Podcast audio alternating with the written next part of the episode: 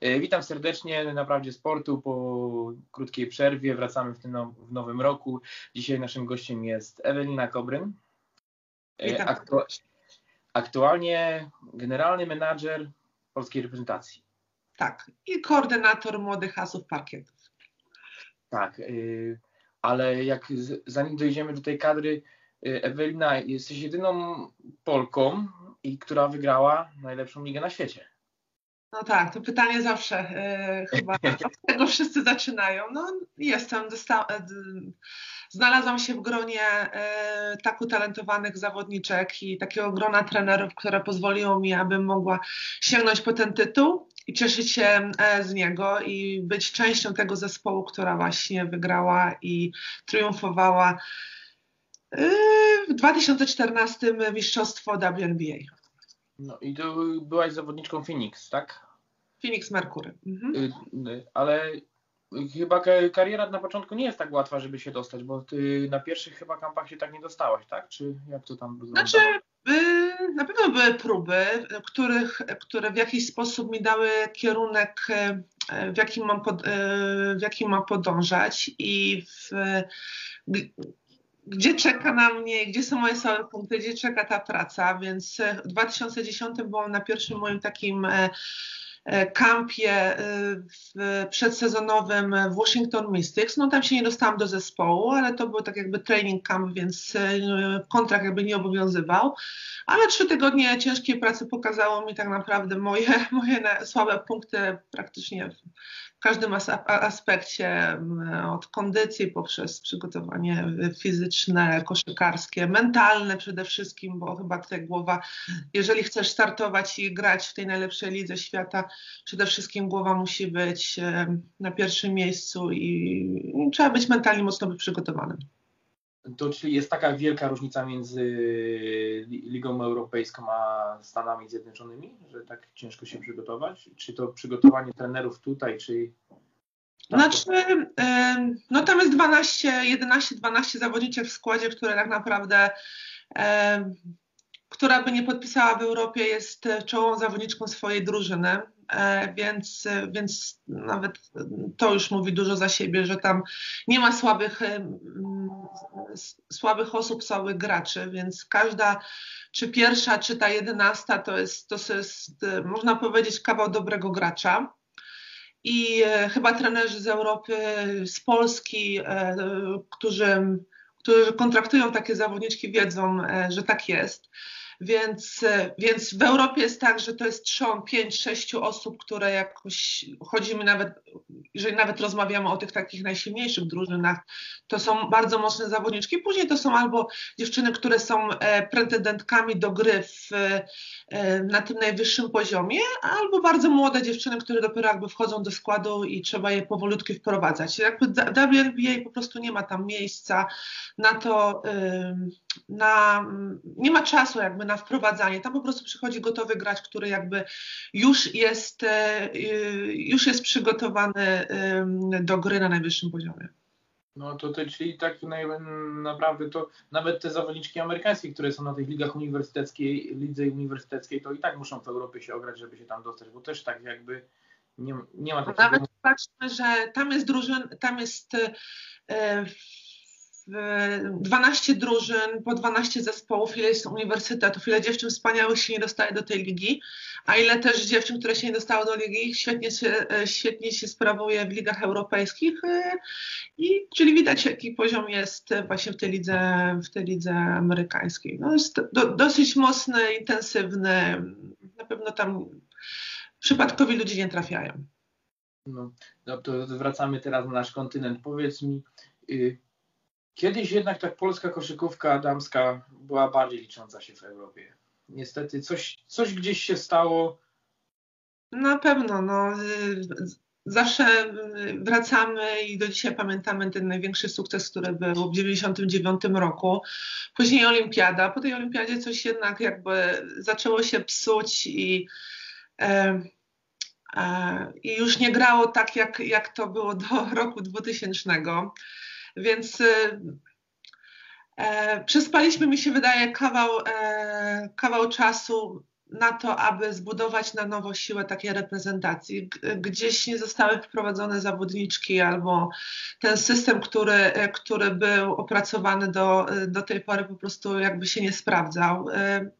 Jakby tutaj no, było tyle czasu i jakby na łatanie tego wszystkiego i na próby przeorganizowania um, szkolenia chociażby, znaczy najważniejszego aspektu, jeżeli chodzi o koszykówkę, e, czy młodzieżową, czy, czy nawet seniorską. No jednak to się nie stało. Są próby nadal, teraz na pewno poprzez różne typu akcje właśnie tak jak e, Młode Asy Parkietów, czy, e, czy kampy, które są organizowane w Polsce. Wydaje mi się, że ta grupa młodzieży, która ma teraz szansę jakby podnosić swoje umiejętności nie tylko jakby w klubach, ale również poza klubami, ma ma szansę, dużo większą szansę niż ten, ten okres, który był właśnie od 2000 do tam 2015 roku, kiedy tak naprawdę w Polsce można powiedzieć nic się za wiele nie działo, a, no, a jednak w Europie już zachodziły wielkie zmiany,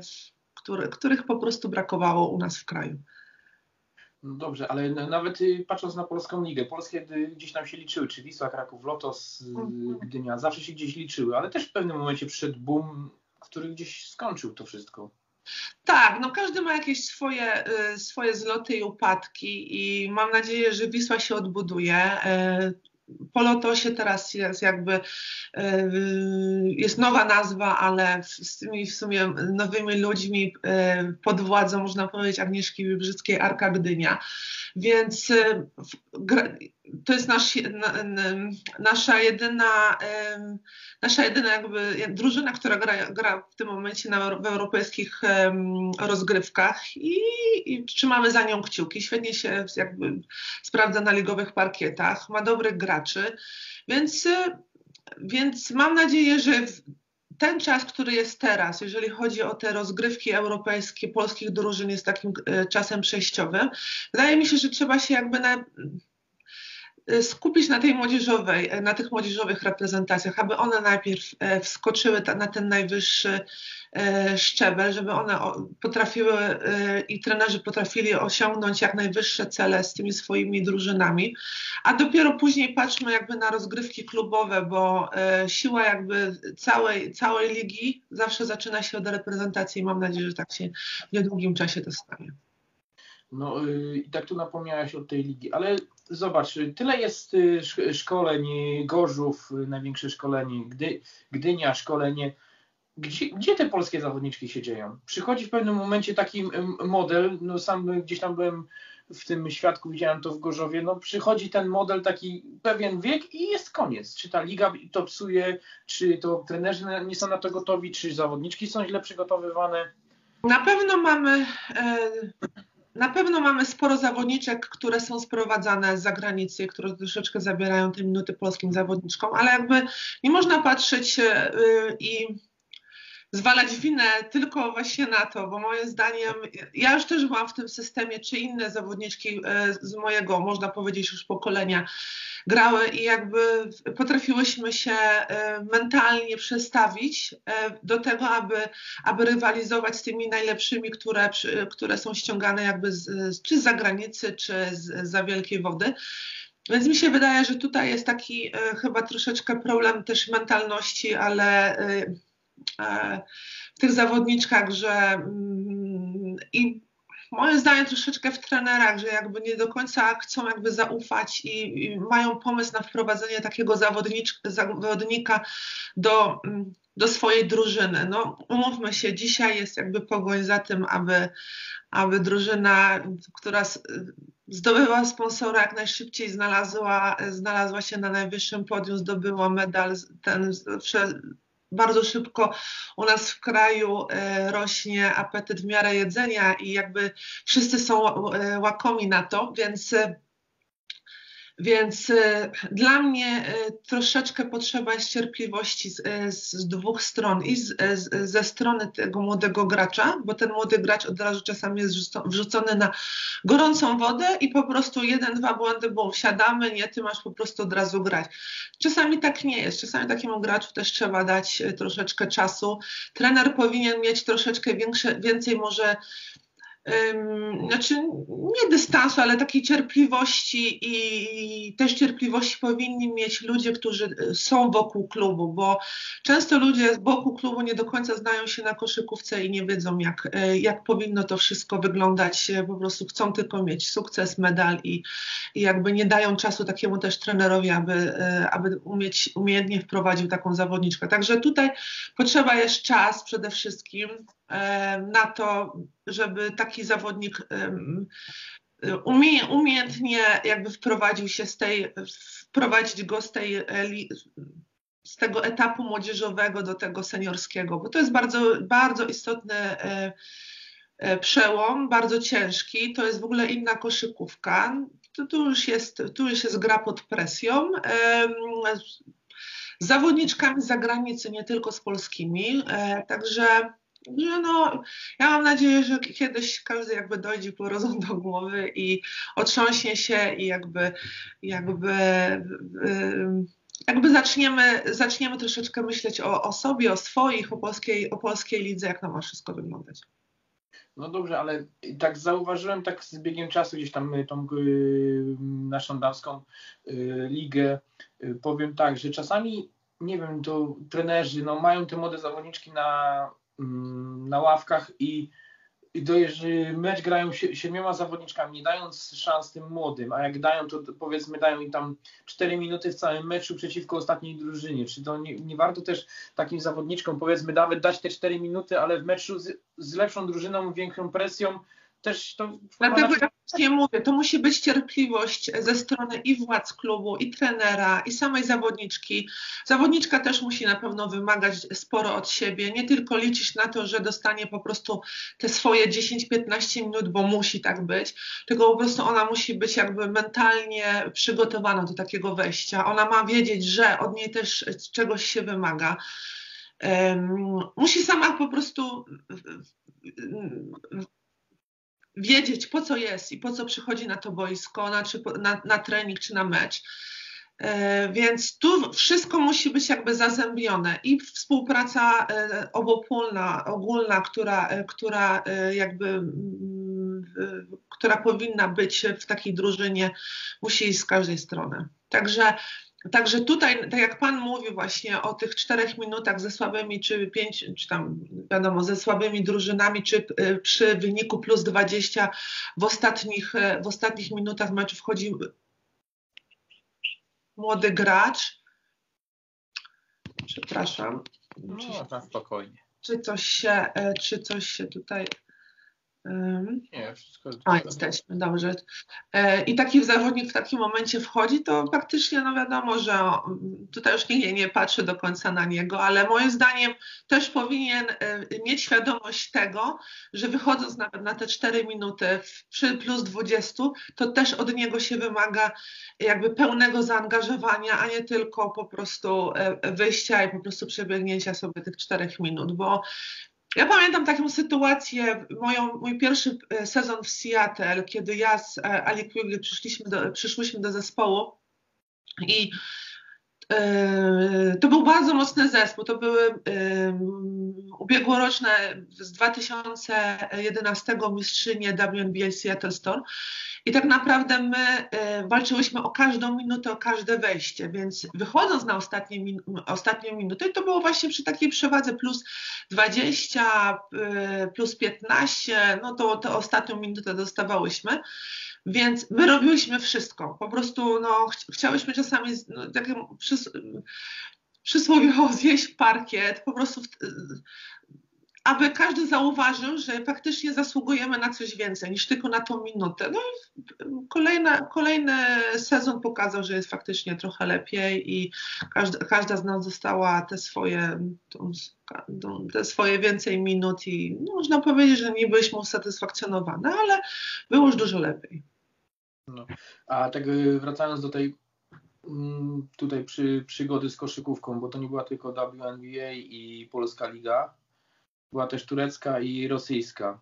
Jest duża rozbieżność między Pols tutaj europejskimi ligami taka, że Polska tam powiedzmy jest na piątym miejscu w Europie, na szóstym, a wiadomo... Znaczy, znaczy chyba chodzi o finanse, bo jeżeli chodzi o rosyjską, to wiadomo, że te, które, te zespoły, które mają bardzo dobrych sponsorów, też mają bardzo dobre zawodniczki, i można powiedzieć, że jak grając w, to, w to praktycznie nie był nikt w stanie nam zagrozić, czy tak jak jest Orenburg teraz z Marosem Kowacikiem, to można powiedzieć, że też ten trzon Ligi trzyma. Kiedyś był Spartak Moskwa, gdzie był e, właścicielem Szaptan Kaumałowicz i po, po jego jakby, no, po jego odejściu, śmierci no, praktycznie no, zajęto się szkoleniem młodzieży, no i no i w sumie no, gdzieś tam w środku tabeli jest, ta drużyna jest. Także, także to jest podobnie jak do polskiej ligi. No. Masz pieniądze, w sumie możesz mieć mistrza, nie? Tak samo jest w tureckiej. Jest nabór, duży nabór zawodniczek z zagranicy, no ale jeżeli chodzi jeszcze o turecką, duży jest już większy nacisk na, kładą na za, swoje m, krajowe zawodniczki, większ, wie, większą rolę mają do spełnienia w drużynie te zawodniczki niż na przykład nawet chociażby tutaj u nas w kraju. No tak jak y, ten y, w Turcji, no tam y, no Galatasaray, no to to jest sama marka w sobie, po prostu już z samej tak. nazwy. Czy tam też jest taki oddźwięk kibiców tak jak w Polsce? Oj, tak. Przede wszystkim w meczach derbowych, jeżeli się gra z Fenerbahce, no to, to jest praktycznie wojna, e, wojna e, tego dnia i e, kibice z drużyny przeciwnej nie mogą przyjść wtedy na halę, no bo wiadomo, jakby to się skończyło. Tak samo nawet jeżeli pamiętam, jak grałam w Fenerbahce na hali Galatasaray, to nawet nikt z rodziny nie mógł przyjechać na mecz. Także Także to są takie restrykcje, które są jakby e, trzymane tam w lidze i no to jest taki no, mecz o życie, można powiedzieć. Dla, ni dla nich coś bardzo ważnego to jest tam, te kluby to jest praktycznie na poziomie religii, która jest tam bardzo mocna, więc, więc to się da odczuć i potęgę i siłę tych, tych zespołów, y, jak jesteśmy postrzegani, jeżeli gramy w tych zespołach, jeżeli ktoś jest za Galatasaray się na przykład dowie na ulicy, że, czy w restauracji, że na przykład, y, no wiadomo, po wzroście zawsze pytali, czy, y, czy, czy gram w siatkówkę, w koszykówkę, no to na przykład odpowiadałam, że mam w koszykówkę i w Galatasaray, czy tamten Fenerbahce, to w ogóle jak był fan, to praktycznie no, można było powiedzieć, że za darmo się jadło. Także księżniczka przyszła do. No ale po mieście mogłaś się normalnie poruszać, czy były strefy, w których jakby tak powiedzmy. Znaczy wiadomo, że no nie można było się gdzieś tam e, zaplątywać w małe uliczki, ale po e, tak, tak, bez problemu. No, nie było problemu w, w poruszaniu się. Na pewno. E, przyciągałam wzrok, bo nie dość, że wysoka, e, to jeszcze, e, to jeszcze wiadomo nie z ich kraju, także, także no na pewno wzrok był, nie, nie, tak ciągnął się za mną tych wszystkich ludzi. A z Twojej perspektywy czasu takiej z kariery zawodniczej, która liga pod względem kibicowskim Ci najbardziej pasowała? Um, znaczy, Krótko grałam we, we Francji y, czy w Hiszpanii też pół sezonu, ale wydaje mi się, że ta hiszpańska. Bardzo, bardzo, fa, bardzo fajnie mi się grało, bardzo dobrze wspominam ten, y, ten czas, tych ludzi tam, w ogóle y, liga, która tam jakby sposób jej prowadzenia jakby układu sił, właśnie rozłożenia sił tych, tych zawodniczek krajowych w stosunku do zagranicznych. Ten szacunek do też, jeżeli powracając jeszcze do wcześniejszych tematów i, i pytań, e, szacunek do tych swoich rodowitych zawodniczek jest bardzo duży. E, następnie, no kibice, no super, no po prostu, no jeżeli ja grałam w Salamance, no y, niewielka, niewielka miejscowość studencka, y, ale żyjąca tylko koszykówką żeńską. Praktycznie czy grałyśmy z pierwszą drużyną, znaczy z, no, z, z, drużyną ze szczytu tabeli, czy z, z drużyną z, z dołu, to no to prawie 3,5-4 tysiące ludzi zawsze przychodziło na mecz, także, także no, ludzie żyli, żyli praktycznie na mieście, to, to wszyscy wiedzieli, jak wyglądają koszykarki, co wkładają do koszyka, co z zakupami, także no, fajny czas i miłe przeżycie i zakończone też fajnie było mistrzostwem na, na triumf był świętowany na Plaza de Mayo, także fajnie to było wszystko, tak oficjalnie. Teraz wracając do kadry, jakie są teraz nadzieje na to? Po, po tych spadku od, od tego Mistrzostwa Europy przez czwarte i coraz niżej, coraz niżej, coraz niżej. Jakie są teraz perspektywy? No mieliśmy dużo, duże nadzieje teraz w tych eliminacjach. Jedziemy na, na Rygę na dwa mecze z Białorusią, więc mówię, póki piłka w grze, więc nie odpuszczamy, ale e, mamy świetną młodzież, można powiedzieć, i w niej jest bardzo duża nadzieja. Jest to praca jeszcze e, no, na kilka lat, aby je faktycznie tak, tak dobrze w, e, wkomponować e, w układ reprezentacji tej, tej seniorskiej ale naprawdę jeżeli chodzi o poezję, która, która płynie z nich i na chwilę obecną, jak one wyglądają e, w wieku tam 16, 18, 19 lat, to naprawdę jest to jest fajna perspektywa, która, która w niedługim czasie mam nadzieję, że da e, takie wy, wymarzone rezultaty, o których każdy marzy, jeżeli chodzi o reprezentację Polski, kobiet. A związek da, daje możliwość pracy długoterminowej, czy jest nacisk tak na sukces, tak jak było w męskiej kadrze, jak było euro u nas? Czy nie, to było euro, czy mistrzostwa świata? Tak, no wiadomo, że do wszystkiego trzeba y, y, y, wszystko ma swój początek i swój koniec, nie? ale wydaje mi się, że tutaj jakby związek nie, nie robi problemu na chwilę obecną, jeżeli chodzi o, o wdrożenie swojego systemu trenerowi, czy pracę długoterminową. E, jeżeli widzi, że wszystko idzie w dobrym kierunku i e, jakby wszystko pracuje na, na, na w, takim dobrym słowa znaczeniu, to, to jak najbardziej. Nie?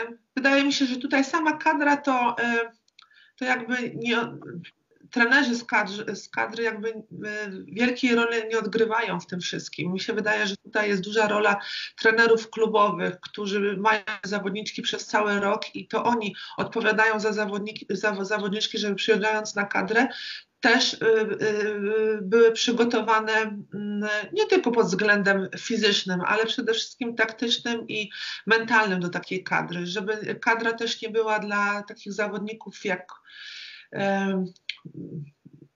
troszeczkę się słyszało do tej pory taką karą i że po prostu trzeba jechać i ojejku tracę wakacje, muszę jechać na kadrę. To, to po prostu to powinien być przywilej, tak jak było to kiedyś. No, radość z tego, że siedzi na kadrę, że ma się z kim trenować, że ma się halę cały czas dostępną e, i że jest się częścią reprezentacji Polski, to, to powinna być taka jakby no. Duma.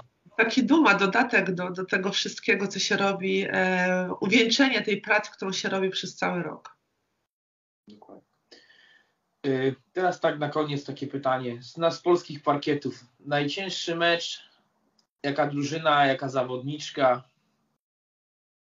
Najcięższy mecz? Yy, znaczy, jeszcze raz. No, no, w Twojej karierze polskiej, jaki byś sobie taki wybrała, taki najcięższy, najcięższy mecz, który musiałeś przebrnąć w swojej karierze na polskich parkietach?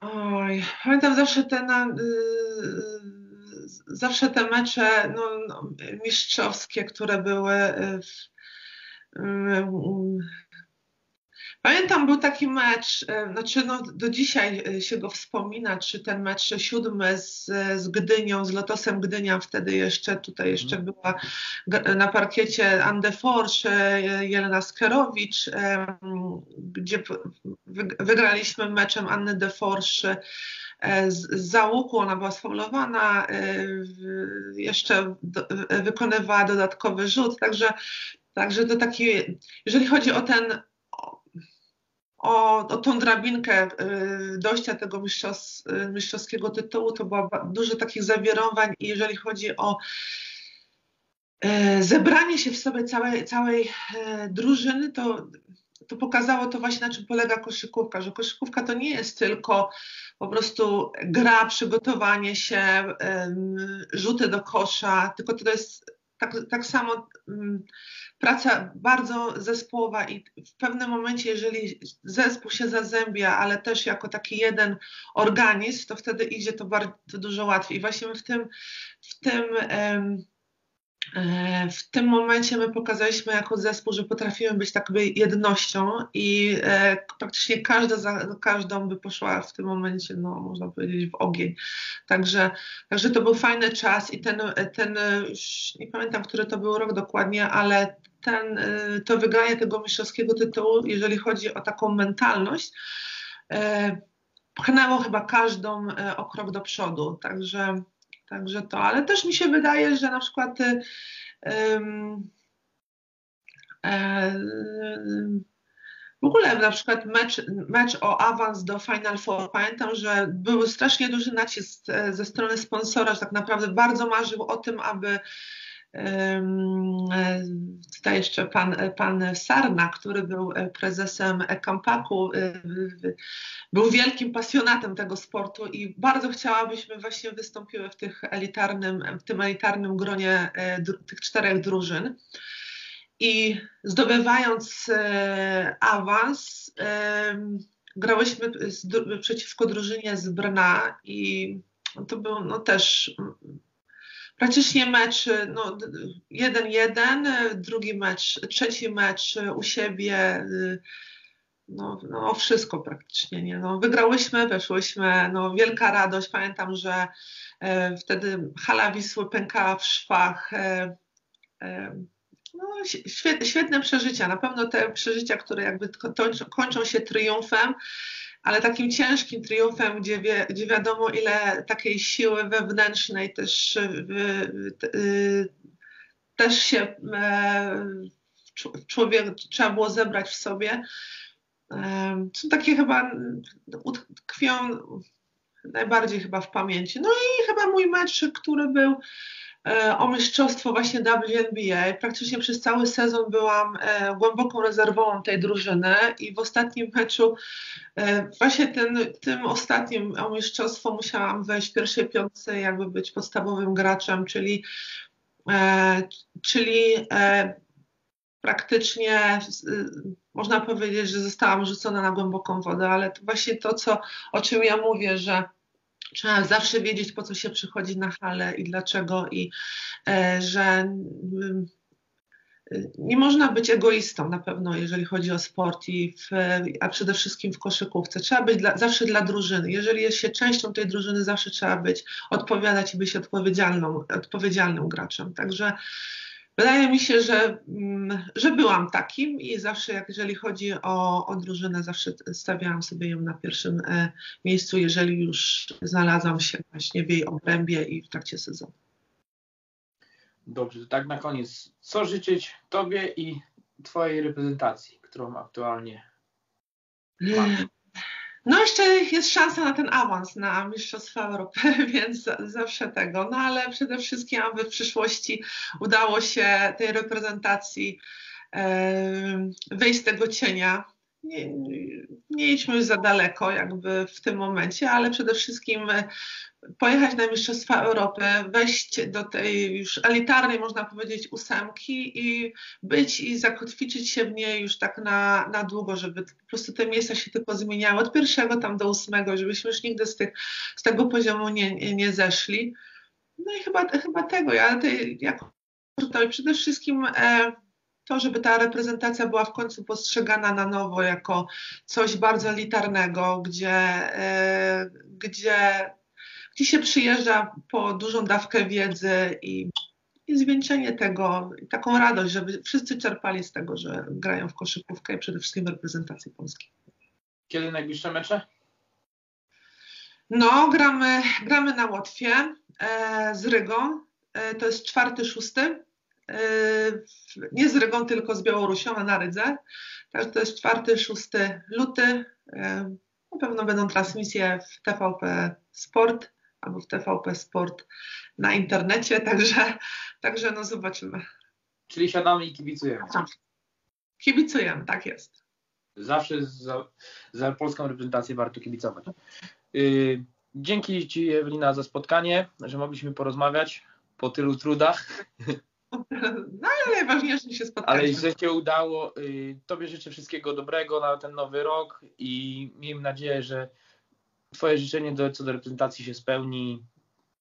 Na pewno. Ja, ja jestem optymistką, jeżeli chodzi o, o drużynę narodową, w ogóle o żeńską koszykówkę polską i mam nadzieję, że będzie dobrze. To się cieszę z tego powodu, że jest optymizm, że będziesz tym kierować. Dzisiaj już Ci bardzo dziękuję i do zobaczenia. Ja również. Tobie też szczęśliwego nowego roku. To dzięki.